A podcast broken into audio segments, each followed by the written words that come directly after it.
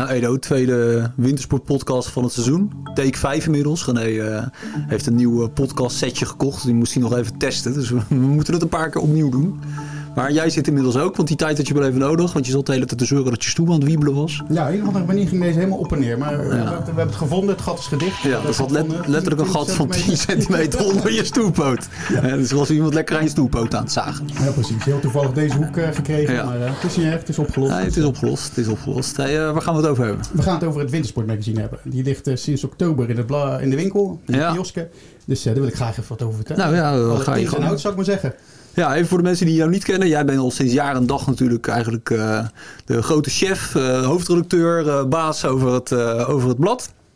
Het Windsport Magazine. Dus ja, daarin eigenlijk verantwoordelijk natuurlijk voor alles wat daarin gebeurt. Hè. Je maakt daarin de, de keuzes, welke artikelen, wat, wat het wel haalt en wat niet. Ja, maar we werken natuurlijk met een heel groot team samen. Hè. Ik bedoel... We voegen alles samen van alle redacteuren. De redacteuren ja. die jullie natuurlijk allemaal kennen van wintersport.nl. Zoals, uh, ik noem maar Rogier, een ja. Henry, een Rick, een Roel. Ja. Die komen er allemaal voor. Je komt er zelf natuurlijk ook in voor. Af en toe. Af en toe inderdaad, als ik het toelaat. Ja, precies. En, uh, als ik er doorheen kom. Door de ballotage. Ja, maar uh, ja, het is natuurlijk een heel mooi nummer. Ja, eerste van het seizoen. Ja. Eerste van de drie. Ja. En uh, thema... Het thema was hulp dit keer. Ja. Dat was natuurlijk heel toepasselijk eigenlijk, omdat we natuurlijk nu in coronatijd zitten. En we alle hulp wel kunnen gebruiken om er gewoon een heel goed seizoen van te ja. maken. Uh, hulp vanuit onze kant, hulp, hulp ook uh, vanuit jullie kant. Dus vandaar het thema. En uh, het komt er toevallig natuurlijk ook in voor. Nou, niet heel toevallig, maar eigenlijk wel logisch dat ons hulppakket er bijvoorbeeld in voorkomt. Daar kan jij wel iets over vertellen, neem ik aan. Ja, daar kan ik wel wat over vertellen. Ja, dat is, wel, dat is hetgene van mij wat, dan, wat dat gehaald heeft. Nee, hulppakket, hulppakket. Nou ja, kijk, het is heel simpel. Um, in coronatijd uh, wordt toerisme en windsport gewoon hard geraakt.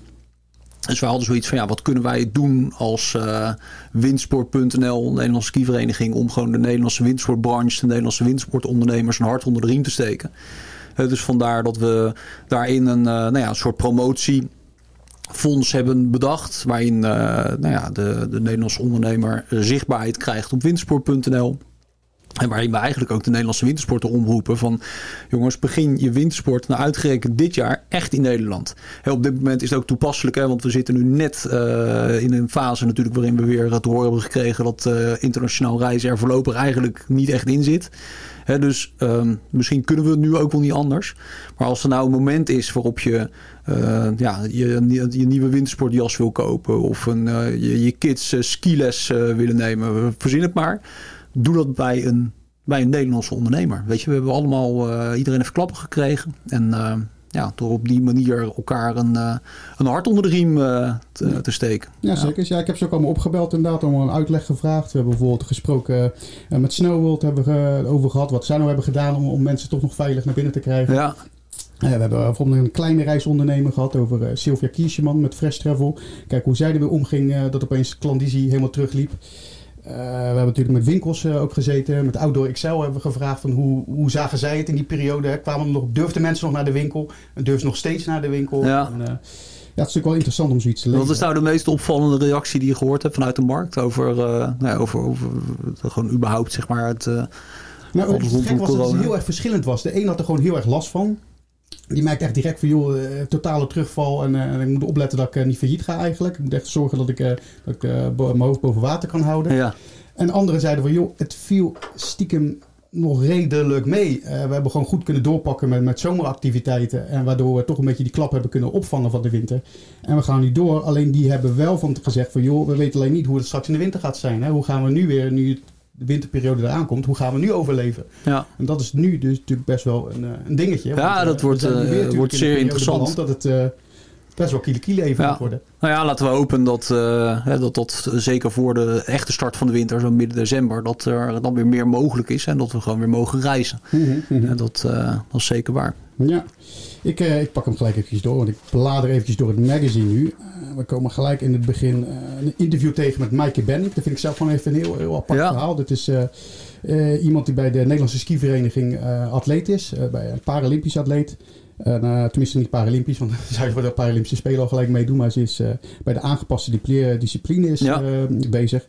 En dat is overigens best wel een succesvolle tak bij ons bij de Nederlandse skivereniging. Wil ik graag even vermelden. Dat hebben we Wopke de Vecht van de Nederlandse skivereniging, technisch directeur. Die zegt altijd heel vaak van joh, let ook een keertje op die aangepaste sporters, want die gaan gewoon heel erg goed. Die doet het eh, op internationaal vlak echt super. Dat doet het onwijs goed. Ja, ja de ene en de andere medaille. Precies, niet alleen op de Spelen, maar sowieso ook in, uh, in World Cups en ja. dergelijke. Daar presteren we waanzinnig. We, ja. we dat is altijd makkelijker om te zeggen. presteren we. Nee, presteren die, die jongens en meiden natuurlijk echt fantastisch. Ja, ja, ja. Maar inderdaad, er is uh, relatief uh, ja, gewoon weinig aandacht voor. Dat is natuurlijk heel erg, eigenlijk heel jammer.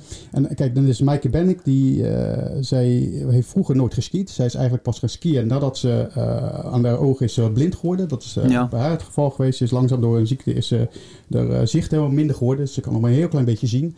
Dus ze heeft heel die, dat skiën zelf moeten leren.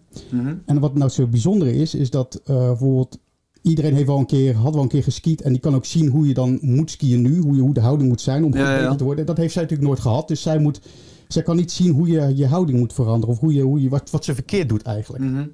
En dat heeft ze dus allemaal moeten leren. En dat heeft ze dus uh, best wel uh, kunnen trainen op de indoor rolbanen. Dat is natuurlijk weer een, een Nederlands paradepaadje. Dat we dan een rolbaan hebben waar je gewoon op direct contact met de leraar staat. En nou, hoe doet ze dat dan? Is dat dan inderdaad van een coach of een leraar staat er dan naast en die zegt gewoon letterlijk van joh, ja, nou, nou ja, wat meer hoek in je elleboog of zo. kan haar natuurlijk ook vastpakken, omdat het gewoon op zo'n korte afstand bij een rolbaan ja, zo. zit. Kan ze gewoon ook zeggen, joh, iets meer de knieën buigen, iets meer dit doen, iets meer dat doen. En dat is natuurlijk op een piste is dat heel erg moeilijk, op zo'n grote piste. Dus, dus dat is een, eigenlijk een voordeel wat ze dan heeft gehad dat ze in Nederland was. Maar die is dus gewoon een topatleet geworden eigenlijk. Die is echt uh, succesvol. Uh, wat zei je? Heel gaaf, hè? gaaf. Ja, gaaf, gaaf ja, zeker. Heel erg gaaf inderdaad. Ik, uh, dus ik heb wel, wel echt wel uh, bewonderingen voor hoe ze dat heeft opgepakt. Dus uh, nou, het was een heel bizar verhaal. Dat ze vanuit het niks de zicht verloor en dan toch opeens gewoon ja, zo'n topatleet wordt. Denk je dat dat... Ik, ik, ik, ben daar gewoon eigenlijk... Ik weet daar gewoon te weinig van af. Maar maakt zij dan ook kans om deel te nemen dadelijk bij de Olympische Spelen Beijing in uh, 2022? Nou, dat hangt natuurlijk een beetje van de resultaten allemaal af. Ik, ik denk dat ze wel een mogelijkheid heeft. Ze is heel hard aan, hard aan, aan de trainen ervoor. Ik weet alleen niet hoe corona nou eigenlijk alles in de, in de soep gooit een beetje. Ja. Want uh, ja, je moet natuurlijk heel erg hard trainen. Gewoon al die, alle atleten van ons die moeten gewoon eigenlijk constant door trainen. En dat wordt natuurlijk wel moeilijker gemaakt door uh, deze situatie.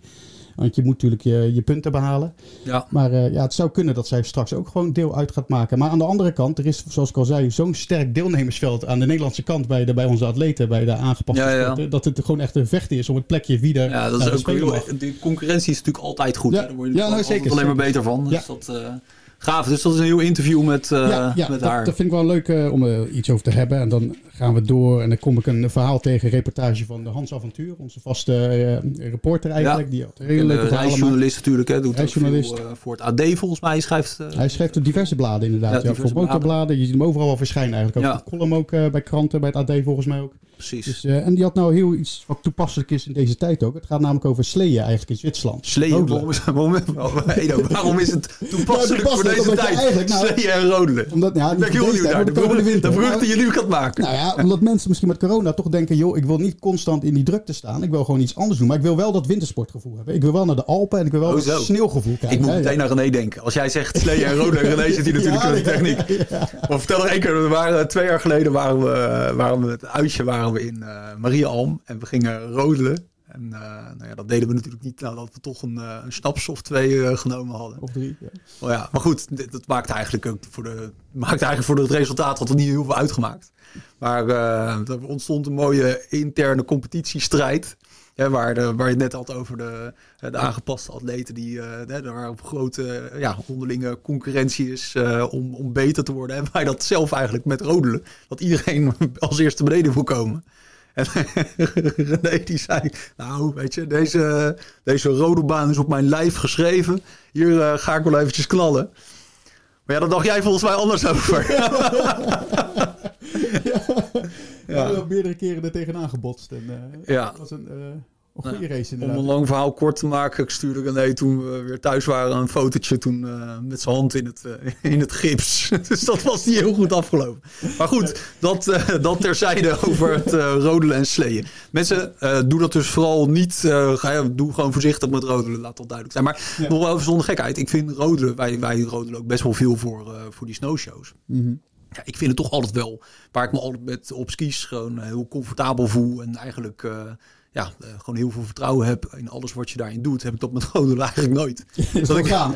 nou ja, gewoon inderdaad gaan. Maar die ben op een gegeven moment denk ik van, weet je, dus, uh, ja, het, het, lijkt wel of dat ik, ik vind het gevaarlijker voor, voor mij dan dan, dan skiën. Ja, ja, zeker. Omdat het gewoon het remmen is gewoon een stuk moeilijker. En uh, het is ook wat te leren. Eigenlijk zou je moeten leren ook gewoon. Hè, bedoel, er zit een, er zit een ja. techniek achter. Ja.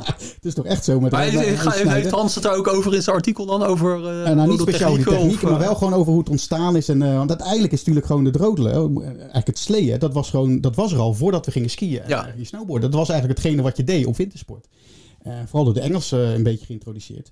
Dus um, daar wilde het een beetje over hebben. Van joh, we kunnen ook terug naar die roots. En ook tijdens ja, de vakantie ja, ja, gewoon lekker inderdaad gaan sleeën daar. Want in Zwitserland bijvoorbeeld, in Davos, uh, een hele oude baan. In St. Moritz, de Cresta-baan en bij Bergun. Dat zijn nou hele mooie lange rodelbanen. Die je gewoon heerlijk tijdens je vakantie ook een dagje kan doen. Ja. En dat kan je nog eens combineren met je retische baan. Met de trein die er rijdt. Kan je omhoog rijden, dan weer naar beneden met je sleetje bijvoorbeeld. Je kan van dorp naar dorp daar. Het is gewoon echt een ja, een andere winterbeleving dan alleen maar puur op die piste staan. Nou, maar dat zie je wel natuurlijk. En je ziet in heel veel skigebieden zie je natuurlijk uh, echte, nou ja, de rodelbanen meer uh, opkomen, zeg maar. Of tenminste, gewoon het, überhaupt het, het meer activiteiten aanbieden dan skiën en snowboarden ja. alleen. Ja. En dat is natuurlijk wel, weet je, um, wij waren in uh, vorig jaar seizoen in Wervenweng. Daar hebben ze geloof ik een, hebben ze een aantal rodelbanen.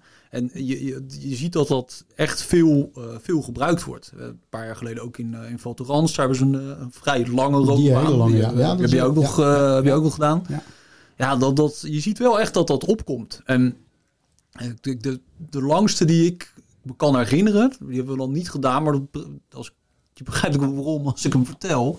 Dat was in Greenwald. Ja, bij in het gebied van Vierst, inderdaad. Daar ligt een rode baan. Ik denk dat het 15, 16 kilometer lang ja, is. Voor mij maar je moet er ook anderhalf uur voor lopen vanaf een bepaalde lift om, om daar dan bij die start te komen. Dan denk ik van ja, weet je, dat is voor mij, dan gaat dat net even te ver om anderhalf uur in, in, in Hoogberg te gaan wandelen. Ja. ja, maar dan neem je het wel heel serieus. Weet je? Dus aan de andere kant, als je het... Maar ik, ik zie het natuurlijk dan als een activiteit die ik dan even snel erbij doe naast het skiën. Mm -hmm. Of met de kids als de liften dicht zijn. En, uh, maar ja, je kan het inderdaad ook als volwaardige activiteit beschouwen. En dan is zo'n baan van 15 kilometer is natuurlijk wel waanzinnig. Weet je, dat je, nou, ja, je hebt een hele wandeling erbij. En maar dan moet je het ook op die manier, denk ik, ja. uh, denk ik insteken. Ja, ja, het is ook maar echt die combi denken. En dat, dat drankje erboven doet gewoon heel veel. Dat maakt echt het gevoel dat je daar lekker die warme chocomel of gewoon ja. een, een klein versnaperingetje erbij. Ja. En dat je dan misschien nog iets te eten pakt en dan pas naar beneden gaat. Is het is niet dat je gelijk omhoog gaat en gelijk omlaag. Je nee, maakt echt nee. wel na zo'n dingetje van. Dus uh, nee, dat is, uh, dus dat is leuk om daar een keertje verhaal over te hebben inderdaad. Ja. Niet alleen puur dat skiën, want dat komt natuurlijk ook heel veel aan botto in het blad. En laten we een keertje wat over rolen doen. Precies. En dat past ook een beetje in, in de tijdsgeest inderdaad. Ja. Toch als, als alternatief misschien voor een, uh, voor een iets minder drukkere vakantie. Ja. En even kijken, we gaan weer door. We hebben... Ja, de skitest is dit jaar net iets anders natuurlijk. We hebben um, de skitest helaas niet kunnen, kunnen nee, maken. Ja, nee, ja. Hoe komt dat? Hoe kwam dat dat we geen skitest konden doen? Je mocht het toch niet met een heel team Jeetje, over. Ja, en, nee, dat was natuurlijk al mooi in de fase van de lockdown. Ja. Alles, uh, alle skigebieden dicht. We konden geen, niet zelf onze skitest uitvoeren. Dus dat was erg jammer. Maar ja, goed. Het is hoe het is. Maar uh, we hebben een mooie alternatief, hè? Ja, uh, onze techni technische coördinator eigenlijk van de skitest, Richard Molenaar, die het al bijna 25 jaar doet. Die ja. uh, had gelukkig zijn eigen skitest voor uh, skicentrum Heemskerk had hij al achter de rug. Die had al een hele lading skis kunnen testen. En ook al grotendeels met het team wat we normaal gesproken ook gebruik van maken. Ja. Dus eigenlijk 1 1 is 2 was, joh, we gebruiken gewoon zijn test. we ja, pakken degene eruit die we, die we kunnen gebruiken. En ja. het is misschien net niet helemaal één op één zoals we het zelf zouden aanpakken. Maar toch grotendeels eigenlijk wel hetzelfde. En dus ik ben blij dat het toch nog dat we gewoon een volwaardige skitest Ja, dat is super. Ja, was in Châtel, hè? Châtel in ja. de Portuselij, in, in dus het Franse deel van de Portuselij. En dat, daar was hij ook in de week voor dat alle skigebieden dicht gingen. Dus dat was de week pak een beet van, van 7 tot 14 maart ongeveer.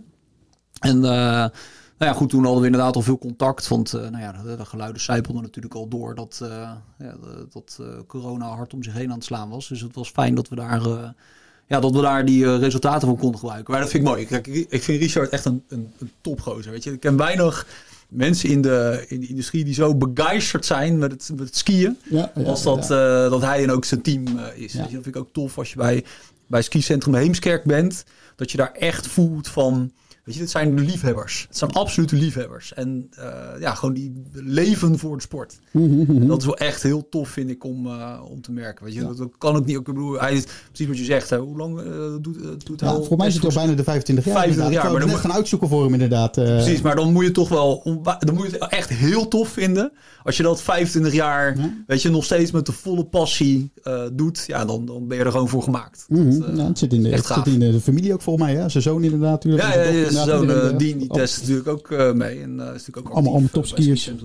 Dus ja, nee, dat is leuk. Hey, en qua testresultaten zitten er nog opvallend, want dat is natuurlijk wat iedereen altijd wil weten. Wat zijn de, de, de, de, knallers dit jaar? De knallers, ja. We hebben bijvoorbeeld geen top 3 alleen gedaan. Want Nee. dat, dat testen we op een bepaalde manier. En dat heeft Richard natuurlijk niet op, op onze manier kunnen testen. Dus dat hebben we, Ja, logisch. vond het wel zo netjes om dat niet erin te zetten dan. Precies. Dan zou iemand tekort doen. Dus eh daar komt, ja, we hadden volgens mij, als ik het niet door elkaar haal. Want ik ben ondertussen alweer druk bezig met het nieuwe nummer. En dan hou je soms eh, sommige skis door elkaar. Maar, Ja, want welke test staat er in dit nummer dan? eh, dit is eh, de comfort ski. Dus eh, meer gewoon de ski voor, de makkelijke, voor het makkelijke pistewerk. Ja. En eh, we hebben de high-end skis. Eigenlijk voor de mensen die gewoon eh, best wel wat over hebben. Wat geld voor om echt een mooie ski te krijgen. Die echt heel duurzaam is. En die gewoon op alle vlakken goed presteert. Mhm. En echt een beetje een topper in zijn klasse is. En ja, we zitten, als ik het goed heb, hebben we bijvoorbeeld een Elan die er inderdaad heel lekker uitkwam. Amphibio, heel een tijdje meedraait. We hebben, ja, ik zal even doorbladeren. De mm, Fischer, als het goed is, kwam ook lekker uit. Ja, het is eventjes weer snel doorheen halen, Ja, bladeren. maar eigenlijk wil ik het ook liever niet zeggen, want ik bedoel, als ik het hier maar prijs geef, Nou dan gaan ja, mensen straks eh, blad dit- niet meer maar goed, kijk, jij zegt een Elan Amphibio en een Fischer. Ik bedoel, dan weet je nog steeds niet welk model het is. Maar in ieder geval is het wel weer een, weet je, als je dus op zoek bent naar een high-end eh, ski of een comfort ski, dan is het dus absoluut de moeite om, eh, ja, om het magazine, eh, om, om naar die ACO te rennen. Mhm, magazine te mhm. halen. Of natuurlijk gewoon lid te worden natuurlijk van, eh, van de skivereniging. Dan krijg je het allemaal thuis eh, gestuurd. Mhm. Maar eh, ja, nou ja, top. Ja, ik, ik blaad ook net langs, terwijl ik aan het bladen was inderdaad, kwam ik opeens eh, een top 6 tegen van eh, skigebieden die het zonder natuursneeuw doen. Of die het juist met natuursneeuw doen en zonder kunstsneeuw. Dit klinkt heel gek. Zeg Ja. maar. Ik weet niet, die niet met doen. Ja, dat is Hij is flauw, is heel flauw. Ja, precies. maar eh, Het zijn echt die kleine skigebiedjes op, de, op nog maar wat is, het, 300 kilometer vanaf Utrecht. En die gewoon eigenlijk eh, puur leven op eh, natuursneeuw. Die heb je in de Ardennen 300 bijvoorbeeld. kilometer vanaf Utrecht. Dus dan, maar dan hebben we, waar hebben we het dan over? Dan hebben we het over de Ardennen, over Ja. het Sauerland, Ja. misschien over de Eifel of dat nog net ja, niet? ja, die zat er nog net eentje bij inderdaad, Ja. als het goed is. Ehm, en dat zijn dus gebieden inderdaad die, die gewoon eigenlijk open gaan als er genoeg sneeuw ligt. En dat is natuurlijk niet heel vaak zo. Nee. Eh, maar als dat zo is, is het een hartstikke goede manier om eventjes te trainen voor die wintersport. Ja, ja, ja. Het is best wel leuk om dat gewoon dat, dat dat sneeuwgevoel een keertje mee te maken. Maar daar staat, in dat lijstje staat dan niet een gebied als Winterberg natuurlijk. Ik bedoel, daar, daar, daar leven nee, nee, nee, niet te ver inderdaad. Nee, nee. Ja, nee, los van is het feit dat het te ver is, maar daar heb je natuurlijk, daar staan natuurlijk tegen sneeuwkanonnen. Dus daar staan heel veel sneeuwkanonnen inderdaad. Precies. Dat is maar goed ook natuurlijk, want dat is ook natuurlijk allemaal best wel nodig eh, voor dit soort gebieden. Nou ja, als je er echt Maar- je business van maakt hè, en zegt van wij zijn, wij zijn een skigebied en je kan bij ons terecht van, eh, weet ik veel, van december tot, eh, tot maart. Ja, dan is het wel handig als je dan inderdaad daarin investeert. Als je niet zeg maar op 3000 meter hoogte ligt. En de Ardennen gaan volgens mij niet zo hoog. dat dus- net niet inderdaad. Maar wat voor gebieden zitten daar dan tussen? Nou, ik heb hier bijvoorbeeld eh Mont de eh, in de Ardennen, eh Val de Wanne. Val de Wanne ken ik wel, Mont de Brune heb ik echt nog nooit van gehoord. Ja, dat is ook een heel kleintje daar in de buurt. Het ligt natuurlijk allemaal niet zo gek ver van elkaar. Maar Wat hebben die dan? Wat, wat, wat zo'n Mont den Brun? Wat, wat, wat, hoe- Ja, ik heb hier bijvoorbeeld, ik zit hier... touwlift of zo? Of een, Nee, ze hebben bijna allemaal sleepliftjes inderdaad. Trekliftjes, sleepliftjes. En dat is ook het bizarre dat een groot deel van dat soort eh, gebiedjes in de Ardennen, daar zijn snowboarders bijvoorbeeld ook niet welkom. Eh, want ze zeggen dat dat technisch onmogelijk is. Maar ik denk eerder dat het te maken heeft dat die dan misschien ietsje eerder vallen in die sleeplift. Waardoor het dan elke keer een gigantische opstopping Ja, ja, wordt. ja. Want dat is dus al een gigantische opstopping eigenlijk. Hè? Die, die, die kleine skigebiedjes, vooral in het weekend. Er ligt sneeuw. Nou, er komt natuurlijk gewoon heel België en Nederland komt daarop af. En die wil allemaal daar zo skiën. Maar hoe werkt dat? Is dat dan, is dat dan een boer bijvoorbeeld die een eh, stuk land heeft waar normaal gesproken bij spreken, eh, ik weet ik veel, koeien opgrazen en dan is het winter. Nou, dat is een en- goeie, want dat heb je natuurlijk inderdaad in Oostenrijk inderdaad heel erg veel. Ja, is dat Ik- daar ik dan heb ook? geen idee of dat eigenlijk in België het- ook zo is. Of het privégrond is, of dat het ja, inderdaad of is het eh, iets wel gewoon van van de, van de, van de gemeente is die Ja. dan zegt van, weet je, dat zien we als een soort van voorziening voor zo'n dorp. En als er sneeuw ligt, dan gooien we het open. Mhm, mhm. Nou, dat is een leuke. Dat is misschien wel een leuke om een keer voor een item om erop in te duiken inderdaad. Om Ja, het uit te zoeken. Ik ben hoe dat, hoe dat dan zit. Ja. Maar ja, goed, weet je, hoeveel dagen in het jaar kan je, kan je daar naartoe? Ja, sommige, sommige ja, natuurlijk niet. Dat wordt ook. En, en ik zat me nu ook opeens te bedenken, joh, dat is misschien ook niet helemaal handig nu in de tijden van uh, dat we niet die massa's moeten opzoeken, want het kan heel erg druk worden onderaan zo'n liftje. Dus ja, ja, dat is natuurlijk ook niet. Is, niet en dat, dat is dat, dat de tijd wordt ingehaald eigenlijk. Je bent bezig met een item en opeens dan wordt zo'n item misschien niet meer geschikt, maar goed, je ligt al bij de drukker, je bent er al heen. Mm. Dus en wat, wat voor gebieden zitten daar nog meer tussen? Uh, we hebben in Duitsland bijvoorbeeld ook Weiserstein. Weiserstein? Weiserstein, inderdaad, ja. En waar ligt dat? In Rijnland-Pfalz. Is dat Sauerland? Uh, Eifel-Middelgeberg. Eifel-Middelgeberg. Ja. En Nooit Zwartserman hebben we ook je, Ik ken best veel skigebieden, maar... ja, jij pakt ze dan net iets verder, denk ik inderdaad. Ja, ik moet zelf zeggen dat ik nog weinig ben geweest. Zo, ik ben bij Barak de Frituur ben ik geweest. Ja, de Frituur ken ik wel. Ja, ja. Dus daar ben ik geweest, maar ik ben heel veel van deze gebiedjes ook nog nooit geweest. Nee. En, uh, maar ik was er ook wel aangenaam verrast toen ik er was. Uh, ik ben er inderdaad één keer geweest en ik, was, ik vond het toch stiekem eigenlijk wel leuk. Maar zo'n gebied het Eifel. Het Eifel is net wat meer berg dan de Ardennen. Net iets meer. Niet heel veel meer, maar wel net iets meer. Maar is, is dat, hebben ze dan, is, gaat dat ook alleen om sleepliftjes? Of hebben ze daar misschien ja, nee, daar hebben ze ook. Als ik, het, uh, als ik het goed kan voor de geest kan halen. Want het is natuurlijk een tijdje geleden dat ik er doorheen ben gespit. Maar volgens mij inderdaad, ja, het zijn allemaal sleepliften wel. Uh, ja, precies. Maar ja. kan, kan haast niet anders ook natuurlijk. Een stoeltjelift lijkt me ook gewoon niet te exploiteren. Dat me totaal niet rendabel te maken als je natuurlijk niet de zekerheid hebt dat je open kan een seizoen. Of je moet die... Hm Stoeltjeslift natuurlijk ook een soort van als toeristische attractie gebruiken in de, in de, zomer, voor de fiets. Een rodelbaantje of zo erbij, of een fiets of whatever. Dan hebben wij toch best wel speciaal dat we gewoon in Snowworld, in, in, in Limburg, landgraaf dan, dat we daar gewoon wel een stoeltjeslift daar hebben. ik kan me herinneren dat ze ooit een keer ook over gedacht hebben of om, om Winterberg gewoon een soort van te overkappen. Dat is natuurlijk helemaal ja, letterlijk, de, de, kappen heb je natuurlijk ook winter, maar dan daar letterlijk gewoon een soort van hal van te maken.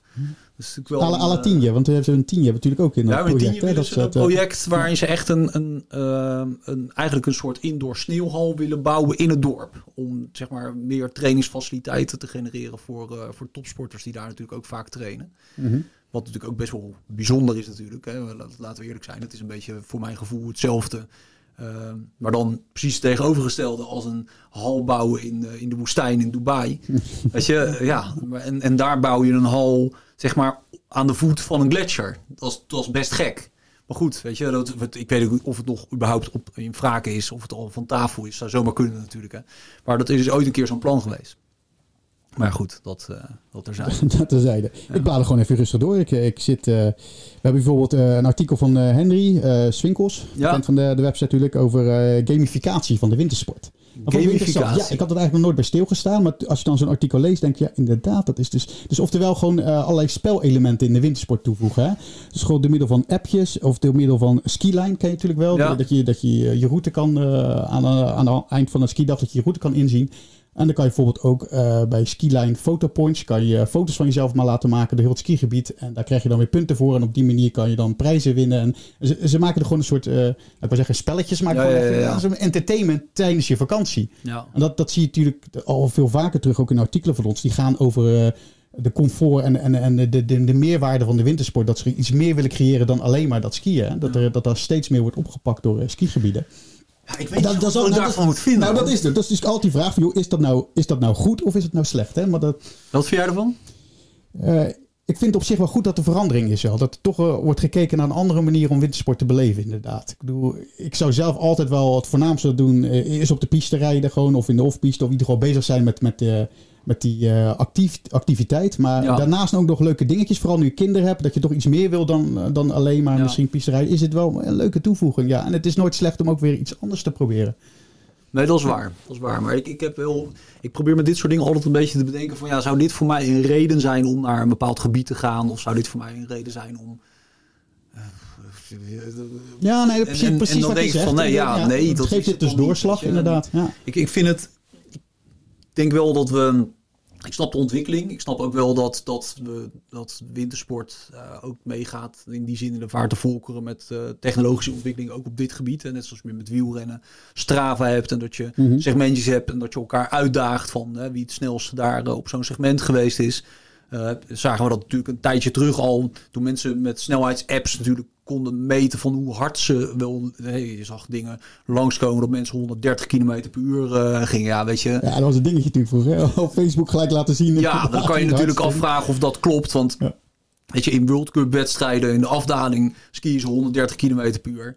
Op een afgesloten piste, die daar volledig voor geprepareerd is, op, op skis die niet in de winkel verkrijgbaar zijn, dan ga mij niet vertellen dat de gemiddelde toerist dat ook kan halen. Ja, was, de truc ook niet gewoon, zo. was de truc ook niet om in de auto gewoon dat ding aan te zetten en buiten het raam te houden en dan... eh, Ja, geen idee. Denk, ik- mij waren er allemaal trucjes voor. om Ja, nou ja, in de ieder geval, weet je, de, meer van, ja, dat, dat, eh, de- dus het is meer de soort van, het gimmickgehalte vind ik altijd vrij hoog, weet je. En de vraag is wat dat dan echt toevoegt. Ik merk wel, weet je, dat als ik met mijn kids op windsport eh, ben, dat, dat zij het wel heel tof vinden. Bijvoorbeeld om zo eh, van die...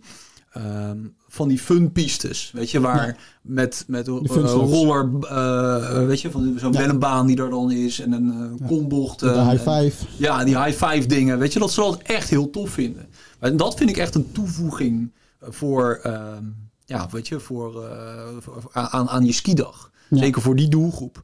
Mhm. Maar het zou zomaar kunnen aan de andere kant, als ik naar die kids kijk hoeveel ze op een scherm zitten. Dat is het dus Weet je, gewoon, hè. dan kan ik me ook voorstellen dat, dat zij daar wel heel erg open voor staan voor dit soort ontwikkelingen. ja, maar dat is inderdaad gewoon die generatie, nou ik wil niet zeggen kloof, maar in ieder geval het verschil ertussen inderdaad. Dat gewoon zij veel meer bezig zijn met die eh, sociale media en, eh, en apparaten. Dat ze dan ook zelfs tijdens de vakantie inderdaad. Hè. Bij ons was de vakantie, je gaat gewoon lekker erop uit en je gaat erheen juist om, de, om activiteiten te ondernemen. En Ja. zij pakken er meer een mix van. Hè. Ja, precies. En dat, dat hoeft helemaal niet slecht te zijn, zeker niet. Het kan dus inderdaad meerwaarde toevoegen. Ja. En dat is dus gewoon opgepakt door heel veel skigebieden. Die het gewoon eh, in de vorm van apps en, eh, en uitdagingen op de piste eh, te laten terugkomen. Ja. En, maar je kan er ook echt dingen mee winnen. Je kan met, met zo'n app bijvoorbeeld ook gewoon een gratis liftpas winnen. Zelfs voor een seizoenspas wordt er mee aangeboden. Ja, dat is wel lachen. Dus, en het is grappig is, na dat artikel is Pepijn van Schijndel van ons, van de, van de sportafdeling van de Nederlandse skivereniging, die, die vond het ook zo'n leuk idee. En die hebt ook gewoon zo'n soort game opgezet voor de, de sportkant voor de mensen.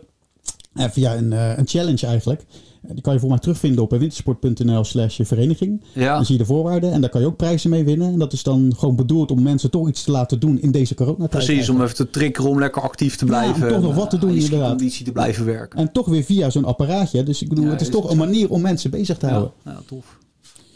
Dan, oh, kijk, ik kom hier, ik blader door en ik zie een bekende voor jou volgens mij. Dwars door Wallis, inderdaad. Dwars door is Ik, het bekende, wat bedoel je bekende Nou ja, ik, voor, was, je- was het alleen Christy die... eh, Nee, aan- eh, ik, ik denk, je, eh, dat oké, was ik is niet bij. inderdaad. Ja, en ik weet René hebben je dit gedaan. al, Nou ja, ik was gedeeltelijk. Ik weet niet of ah, ik was, dit was een, een, een, een trip waarbij Christian en René in Arolla geweest zijn. In het uh, Arolla Ja. Evolene in het Val d'Iran. En Ja. Eh Vizenananda Ja. in de Categorie en eh, in eh, de Danube dus het, het Franstalige deel van de. Portugalei. Oh ja, en jij bent de Alex Gletscher. Ik ben de ja, ben ik nog... Arena ben jij meegegaan nog even. Oh, eh, ben ik nog even aangesloten.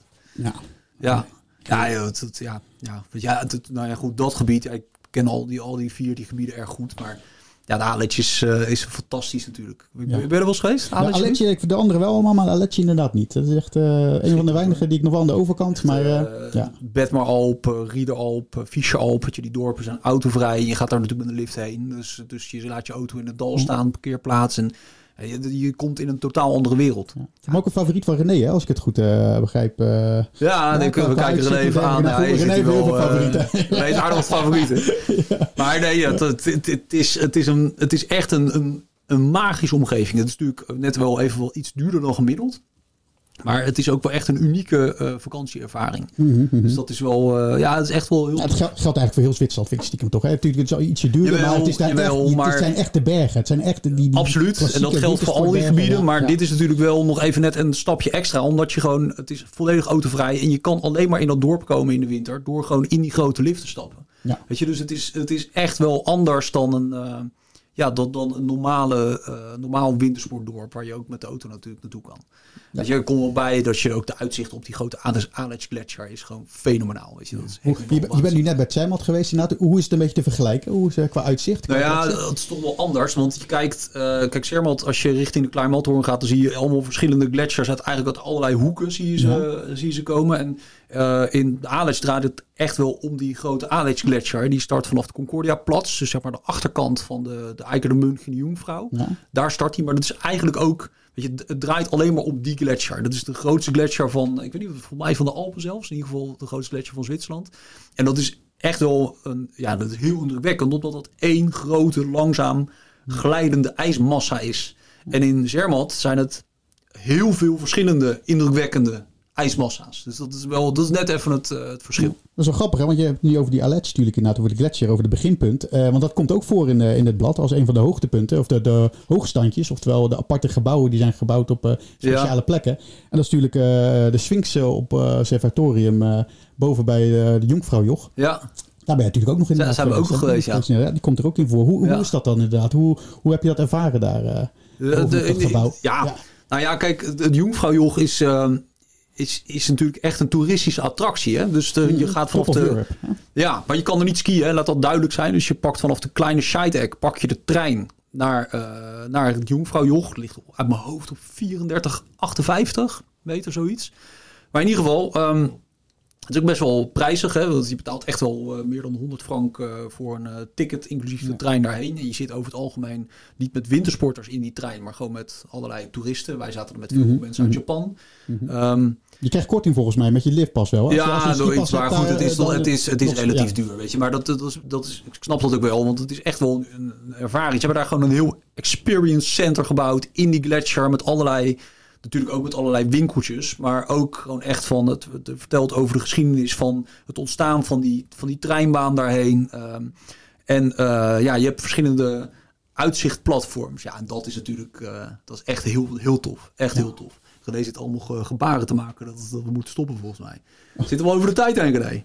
Ja, we zitten, over, we zitten, we zitten over bijna niet voorstellen. We zitten op de helft van het magazine. We gaan gewoon nog heel veel door. Moet nou gaan. Wat hebben we nog meer? Eventjes heel snel moet, inderdaad moeten heen gaan. Ja, ik, pak nog één, één laatste artikel waar jij denkt van, oké, weet je dat? wil ik eigenlijk, ja, die, die, die echt gewoon los van, oh ja, ik heb eigenlijk al twee keer, het ging ook over folklore nog, over, over uh, Krampus, uh, je kent het wel. Krampus, ja, we gaan het niet over hebben. Krampus vind ik zo irritant met die gasten die hier gaan slaan. Ja, heb je wel een sticker gehad van zo'n Krampus gast? En mijn vrouw inderdaad, die heeft destijds, uh, toen waren we bij de Stoebai Gletscher, heeft ze inderdaad zo'n tik gehad van zo'n uh, Ja, maar dat is echt... Ik dacht, dat deed echt pijn gewoon. Ja, dat bedoel ik. Doet die kerel nou? Ja. ja, dat is... het, is het niet dat er dan zacht geslagen wordt. maar goed, dat Krampus... Dan slaan we eventjes over, we komen over de Alpentraverse. Over, dat heeft Martijn Schel...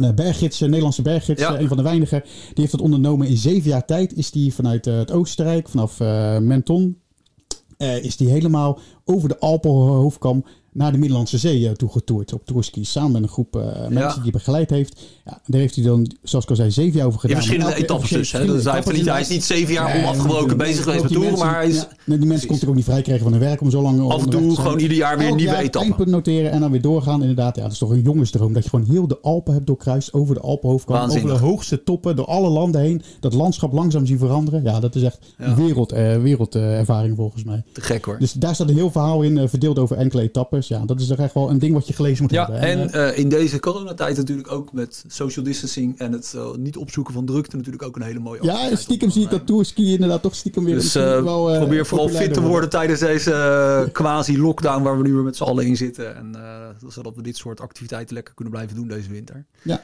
En ja, nogmaals Edo, het magazine is uh, haalt bij de, bij de ja. betere kantoorboekhandel. Ja, en, en dus zoals, zoals, je kan horen is er nog veel meer uh, te krijgen, want we zijn nog lang niet uitgepraat nee, over. We dus, kunnen maar René die zit ons nu echt wel een beetje kwaad aan te kijken. Die wil lunchen volgens mij. Dus ja. het is een beetje, laten we maar afronden. Nou, dit was de Wintersport podcast voor, voor deze keer. Uh, tot, uh, ja, tot een volgende keer mensen. Bedankt. En mochten jullie nog uh, suggesties hebben voor onderwerpen. Dan kan je dat natuurlijk altijd even achterlaten op windsport.nl. we hebben daar een forum. Maak een topic aan. En wij kijken wat we met die onderwerpen kunnen doen. En ja, voor nu tot, tot de volgende keer.